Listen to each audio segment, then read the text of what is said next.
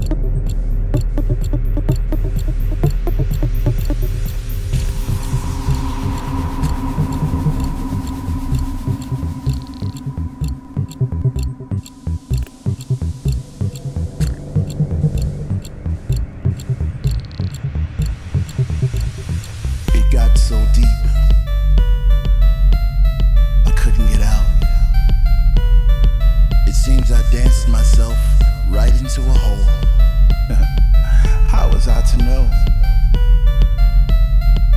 How was I to know that when I walked into this room, my life would be transformed forever? It's not like there's a sign at the door saying, caution. The music you're about to hear will take you to places that you've never been out.